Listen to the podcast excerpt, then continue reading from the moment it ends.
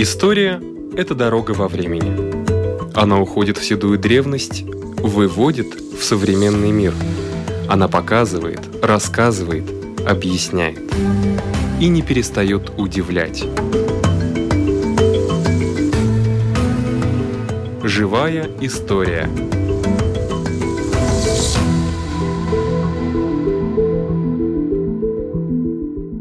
У микрофона Лидия Чера.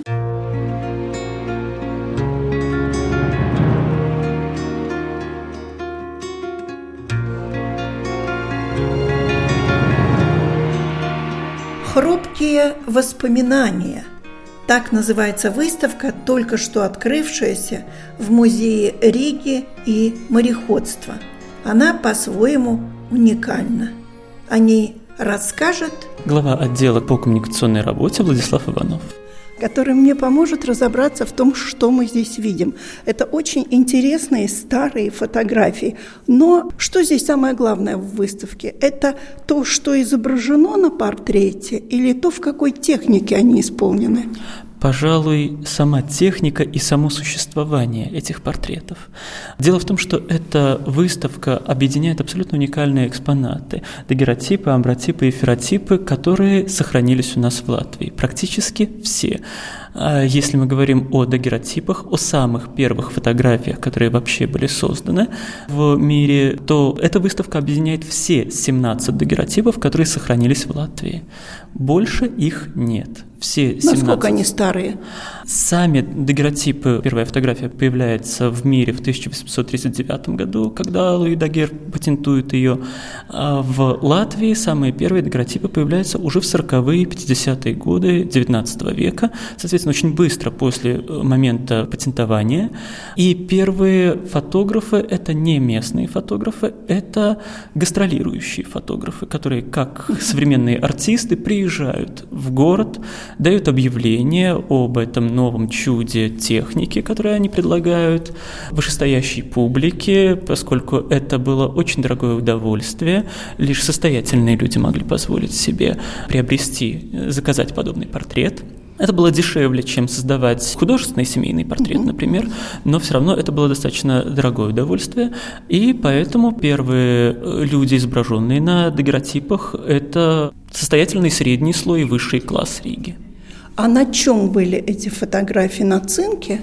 Здесь объединены три типа этих фотографий. Да, Дагеротипы создаются на серебре, амбротипы создаются уже на стекле, и ферротипы, латинский корень ferrum, железо, угу. они создаются на железных пластинках. И сохранившиеся портреты, какие самые уникальные? Пожалуй, здесь нужно говорить о разных портретах. Есть портреты уникальные тем, что мы можем понять, какие люди изображены. Включая, во что одеты. Во что одеты. Более того, мы можем опознать исторические личности, в том числе, как того же Адольфа Аулана, отца латышского театра. Его феротип представлен на этой выставке. Есть уникальные портреты в том плане, что они могут представлять людей не высшего класса, даже крестьян.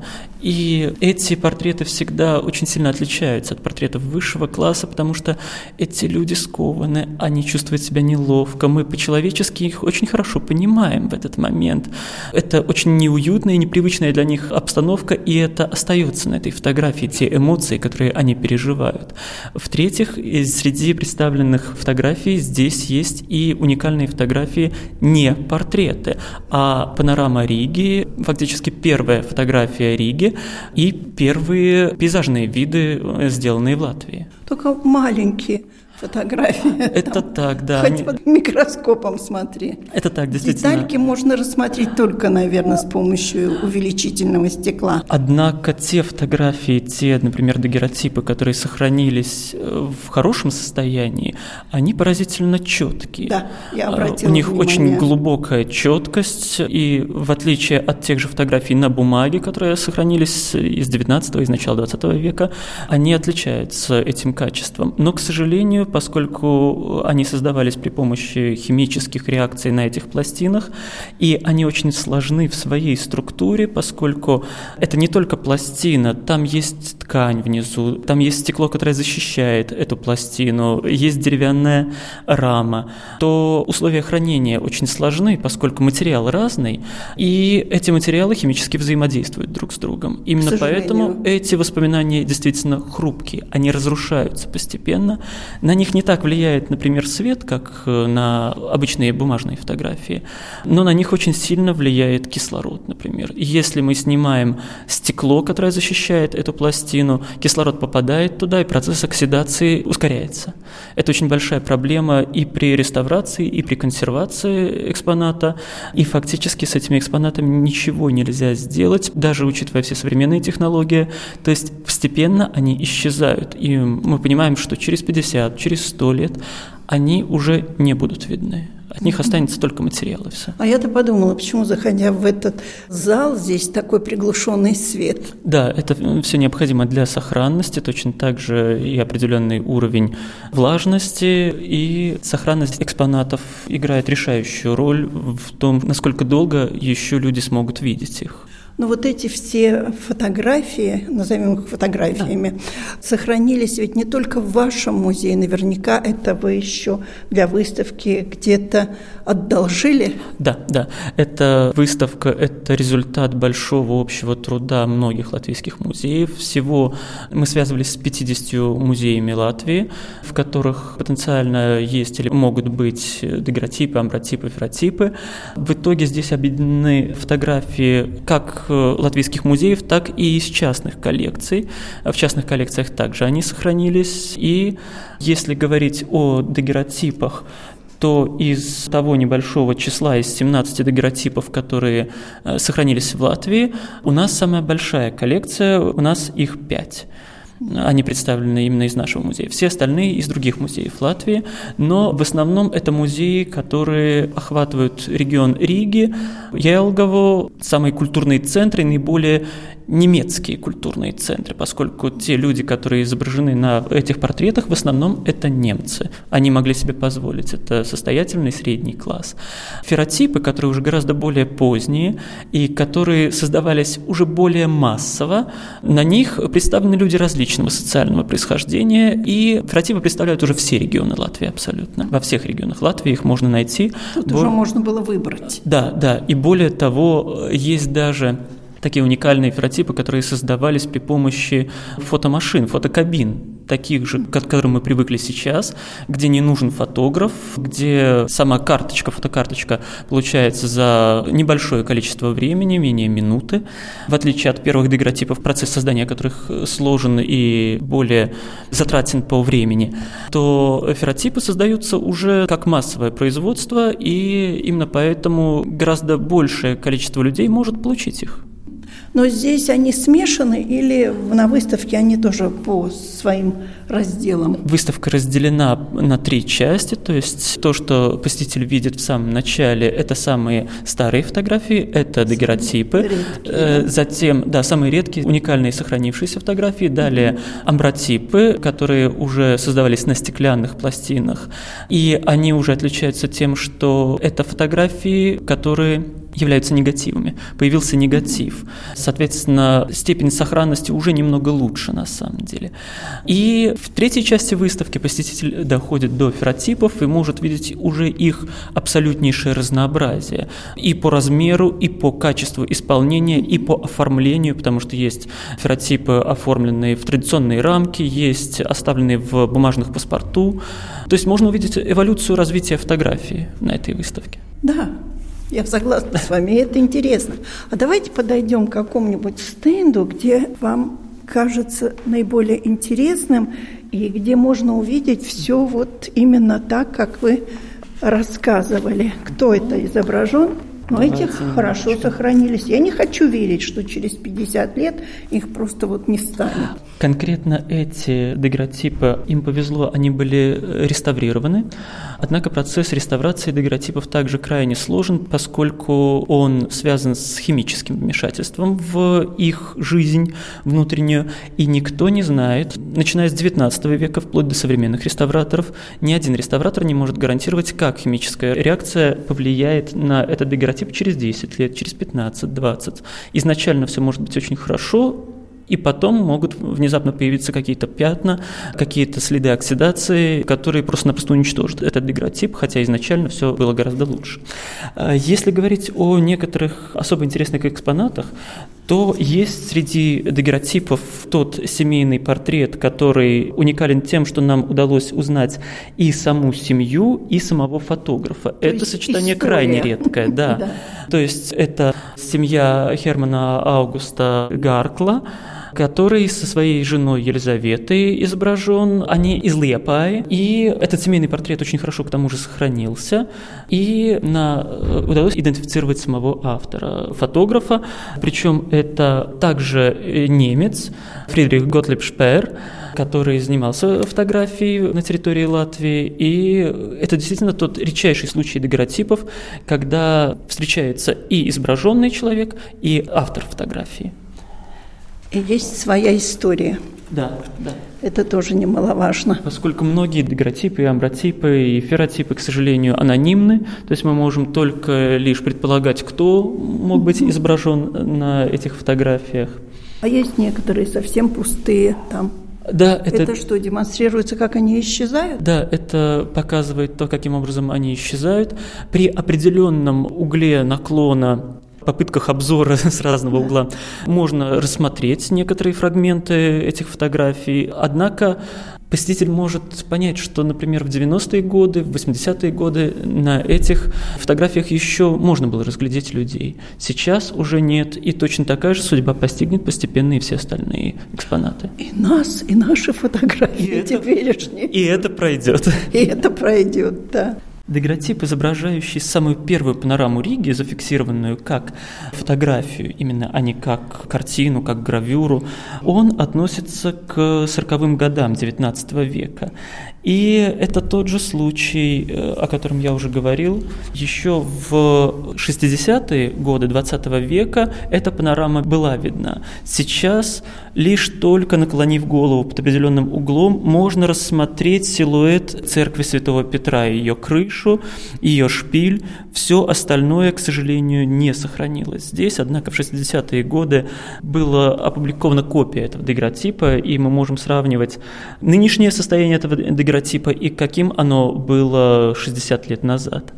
В каталоге, который ждет любого посетителя при входе, есть возможность увидеть дополнительные материалы и сравнить состояние дагеротипа.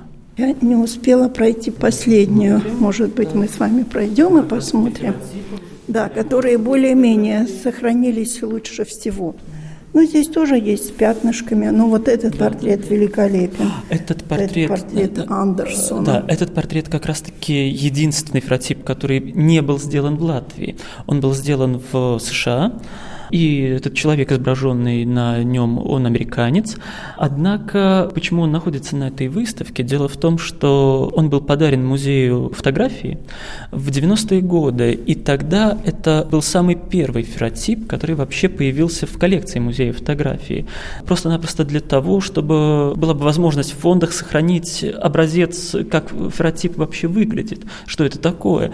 Но впоследствии фонды начали очень активно пополняться, и появились другие дагеротипы, но это тоже история изучения фотографии в Латвии, то есть от э, заимствования чужой истории и попытки осознать, каким же образом развивалась эта техника, до осознания того, что наша собственная история наполнена этими уникальными фотографиями. Здесь представлен уже практически исчезнувший тоже ферротип. Портрет можно рассмотреть под э, острым углом, смотря можно рассмотреть силуэты двух детей и их дедушки. Да, я вижу. А, и этот ферротип уникален тем, что он был создан в кабине моментальной съемки. Подобные кабины располагались в некоторых городах Латвии. В Риге известно, что с 1896 года такая кабина располагалась в Верманском саду, где люди могли подойти, бросить монетку, занять позу, в течение минуты происходил процесс фотографирования, и дальше создавался ферротип. И это единственный экземпляр подобных фотографий, моментальных фотографий на всей выставке. Но, с другой стороны, мы можем понять, что и само качество было достаточно хорошим, то есть сразу же ферротип заключается в рамку, которая его сохраняет, и с обратной стороны, разумеется, реклама этих услуг, где даны все контактные данные этой фирмы, и более того, вот даже визуально показана инструкция, как пользоваться этим аппаратом. Ну, наверное, стоит назвать фамилию человека, который все это сделал, кто собрал, кто организовал эту выставку, автора выставки. Да, разумеется, автор выставки – это хранительница фондов нашего музея Лаума Ланцинеца.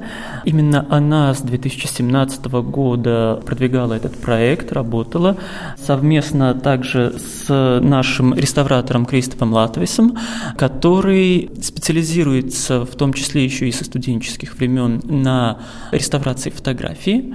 Именно поэтому для него это также был уникальный и очень интересный опыт. В рамках этой выставки ни одна фотография не была реставрирована, все они были консервированы, поскольку сейчас реставраторы все чаще воздерживаются от реставрации дагеротипов, амбротипов, ферротипов ввиду опасности этого процесса, то есть неизвестно, как реставрация может повлиять на сам объект реставрируемый, но были консервированы многие из них, то есть были очищены от вот этой 200-летней пыли, да. от э, лишних наслоений, были изменены рамки, если это было необходимо, потому что среди некоторых экспонатов э, виден, например, один, у которого в свое время треснуло стекло. И это место очень четко видно на дагеротипе. Там, где было соприкосновение с кислородом, дагеротип уже потерял в своей четкости, появилось какое-то пятно. То есть необходимо этот процесс консервации для того, чтобы остановить изменение экспоната. Последний вопрос. Как долго продлится эта выставка? Эта выставка у нас будет открыта до 8 мая. То есть сейчас фактически остались самые последние недели, когда посетители могут увидеть эти уникальные экспонаты. И смогут ли они их увидеть через 10 или 20 или 30 лет, этого мы уже обещать не можем, поэтому мы приглашаем всех воспользоваться этой возможностью и увидеть их, пока их можно видеть.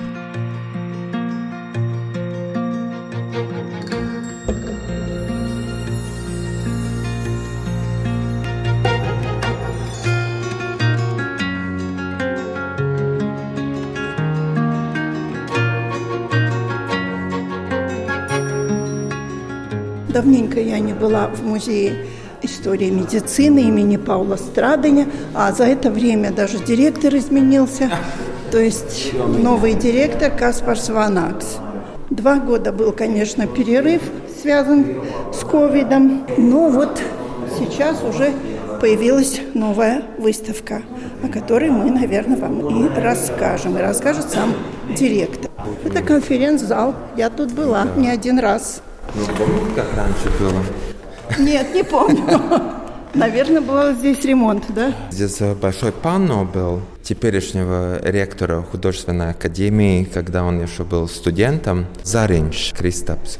Ему была такая, по-моему, студенческая халтура. Назывался э, этот панно «Корифеи истории медицины».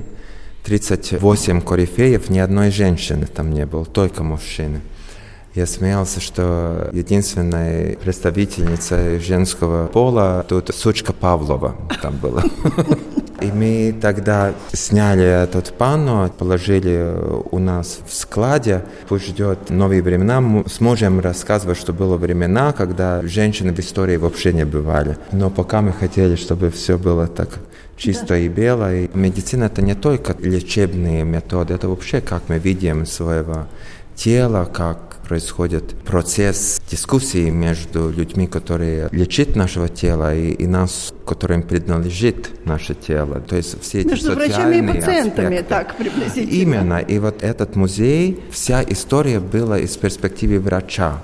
Мы с коллегами теперь дискутируем о том, что истории медицины, там есть две стороны медали. Там есть вот история врача и, с другой стороны, вот история пациента. И вот этот голос пациента в нашей постоянной экспозиции мало. И мы хотели, чтобы там был вот этот баланс. Как раз у нас теперь, например, есть выставка о деменции, что это значит постареть в наших днях, когда как будто современная медицина у нас помогает дожить до 90 или до 100, но качество но жизни. качество жизни или какие новые болезни появляются вот как раз для людей, которые в том возрасте. И еще одна сторона из истории медицины, например, родственники больного или те, которые ухаживают. Там есть интересная статистика, Мы где пойдем видно. на эту выставку. Да. Мы из актового зала пойдем Да, сразу на эту выставку. Там видно, что вот 70% тех, которые ухаживают за старых людей, это женщины. И только 30% мужчин. То есть это тоже много рассказывает о том, которая часть общества готова взять на себя эту заботу о других. Интересно, ну, как раз э, мы думаем о, о наших днях в теории культуры, часто о музеях, библиотеках, архивах говорит как о институциях памяти. Здесь, когда мы работали над выставкой о деменции, мы задали вопрос, можно ли сказать, что и музеи постарели. Но если постарел музей, как институции памяти, не появляются ли тоже там какие-то признаки, э, Признаки, деменции? да. И что это значит для старой институции, например, когда потеряется эта pārmantojamība, э, Преемственность. да, или когда новое поколение работников музея уже не знает откуда или почему что-то у нас есть в коллекции, или не можем в архивах найти, например, документацию о постоянных экспозициях.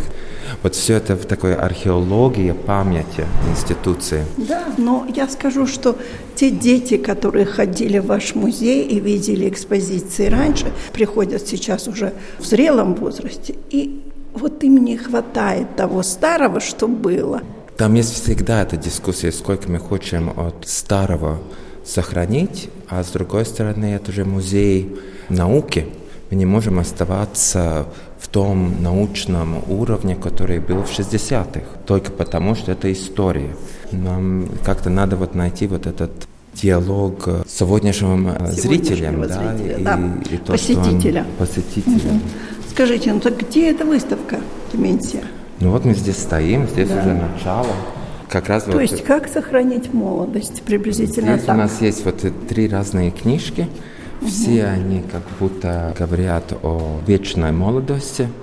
И это, конечно, часть из политических идеологий, потому что длинная жизнь это показывает качество режима.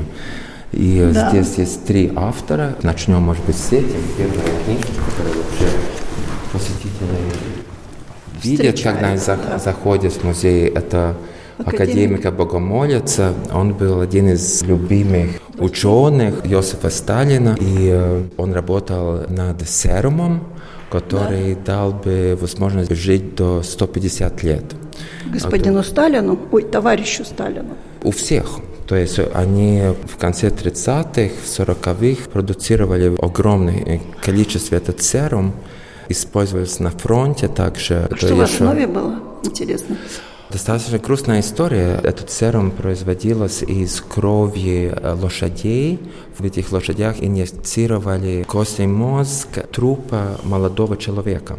Но у Сталина не было проблемы найти молодых. Не, ну э, понятно, людей, понятно. Адольф трупы. Гитлер тоже страдал тем, что искал рецепт вечной Вот молодости. именно. И тогда вот, но Богомолец, он любил много курить, и ушел в возрасте в 65 лет. И Сталин был жутко неудоволен, сперва потому, что обманули его, а во-вторых, он не мог его э, Да, наказать. наказать.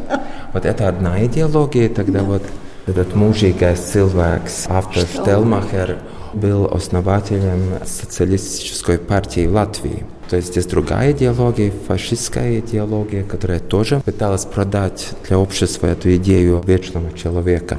А третья книжка тоже о вечной жизни. Ей автор был членом Латвийской пенсионных sabiedrība. Угу. И он сказал, что вечную жизнь может достичь, если один стакан свежего молока каждые два часа. В общем-то, все они как бы не правы были. Главное, как продать жизнь вечную. И почему мы об этом говорим?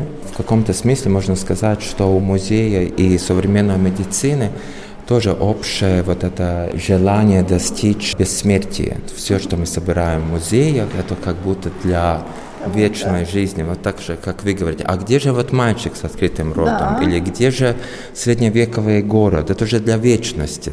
И также и современная медицина в данном моменте тоже этих своих целях как будто думает о том генетически, как мы можем достичь, если не вечной жизни, так по возможности подольше То есть вы, как большой реформатор, собираетесь музей реформировать, от старого совсем уйти? Я не думаю, что я тут реформатор. Мы 40 людей работаем в музее, думаем И все о том. едино думаем?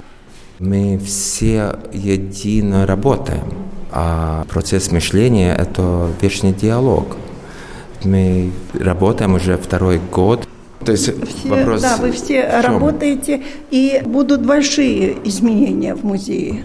Ну, в жизни вообще большие изменения ну, это происходят. Понятно, Почему да. вы думаете, что это как раз здесь ну, было мне хотелось бы больше интерактивности как-то вот. Ведь сюда с ходят с детьми. Например, вы придете с семилетним ребенком, что ему эти книжки? Ну, ничего. Но для этого будет э, детский музей. Это музей наук.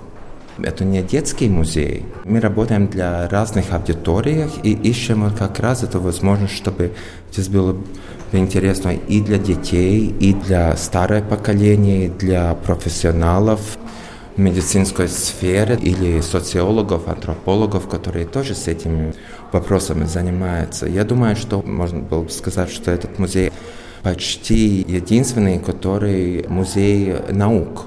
Поэтому мы не можем позволяться работать только на одну аудиторию. У нас надо эту дифференцию. И да. это, конечно, нелегкая задача да, найти вот этот... Вы же в посетителях тоже заинтересованы. Значит, все-таки надо на разную аудиторию быть. Конечно. Готовым. Выставка продолжается? Выставка продолжается. Вот. Мы осматриваем разные аспекты деменции. Один из золотого фонда коллекции музея это архив Ильи Мечникова, да. который теперь, конечно, Нобелевского во время... лауреата. Да, и э, он во время пандемии вышел опять в передний план из-за того, что можно считать, что был один из первых, который говорил о иммунитете и системе иммунитета. Но здесь мы говорим о нем из-за того, что второй половине своей жизни ему интересовала очень геронтология. Он вообще-то и автор термина геронтология. Сперва из-за того, что его жена была, по-моему, 20 лет моложе, да. младше его. Ну, здесь, например, его... Проблема седины его Да, да, да, да. И, во-вторых, конечно, когда он Петри Калниш исследовал тех, которые, ну... Долгожители. Долгожители, тогда он понял, что много что зависит от диеты. Люди, которые mm-hmm. в горах, потребляли йогурт или кефир. Он был один из первых, который говорил о микрофлоре, которая зарно тракта. Да, в кишечнике. Да. Из этого много что зависит по поводу нашей ментальной стабильности, самочувствия. Здесь художница Анна Предуола. Здесь мы с помощью Анны Предуолы пытались найти интересный образ, как говорить о статистике, визуализированная статистика с помощью молочных продуктов, потому что считается, что молочные продукты очень плохо влияют на память как раз у людей в возрасте. И это так подтверждается? Да, это так подтверждается. Во-вторых, там есть ее личная история, то есть она начинала с этой темой работать, потому что ее дедушка был с очень тяжелой деменцией. Деменция, да? И э, она тогда и обследовала, встречаясь с другими родственниками, которыми тоже такие же проблемы в семьях, и тогда она сделала интервью, с которой можно слышать. Это то же самое, что мы в музеях в наших днях делаем, эти stāsti. Рассказы, рассказы человеческие об- рассказы, Человеческие рассказы о объектах, потому что каждый объект, который мы здесь видим, за нем есть какие-то рассказы, для которых нет никогда времени. Деменция – это потеря памяти, Нет, деменция... это старение. Деменция, откровенно говоря, не болезнь. Деменция – это так называемый сказать, umbrella term, или объединяет в себе разнейшие болезни, которые в том числе и когнитивные дисфункции, которые появляются с возрастом.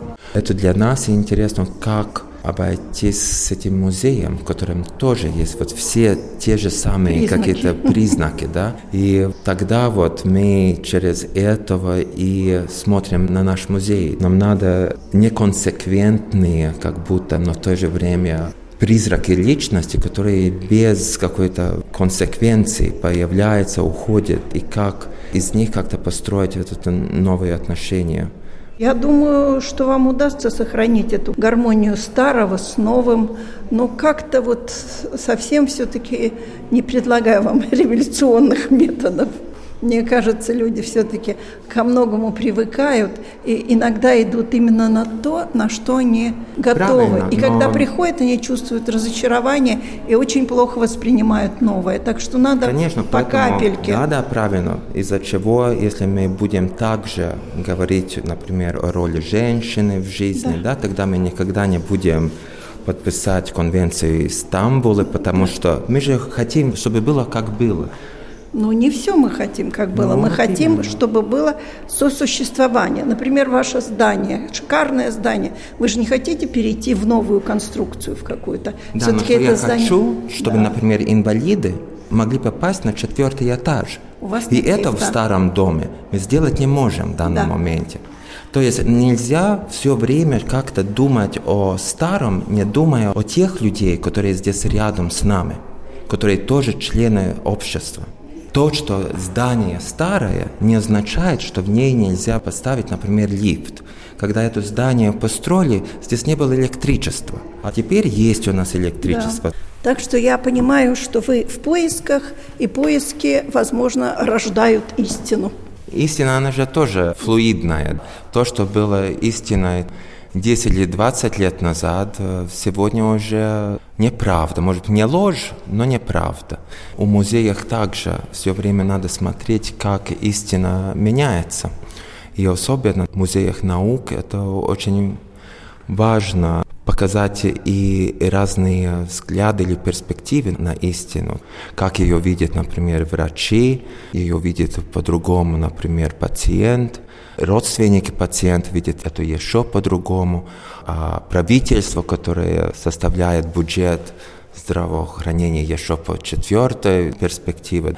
И музей, наверное, вот эта платформа, где все эти разные перспективы на истину встречаются.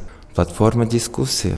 Спасибо. У нашего микрофона был директор Музея истории медицины имени Паула Страдыня Каспарс Банакс. На этом наша программа заканчивается. Всего вам доброго.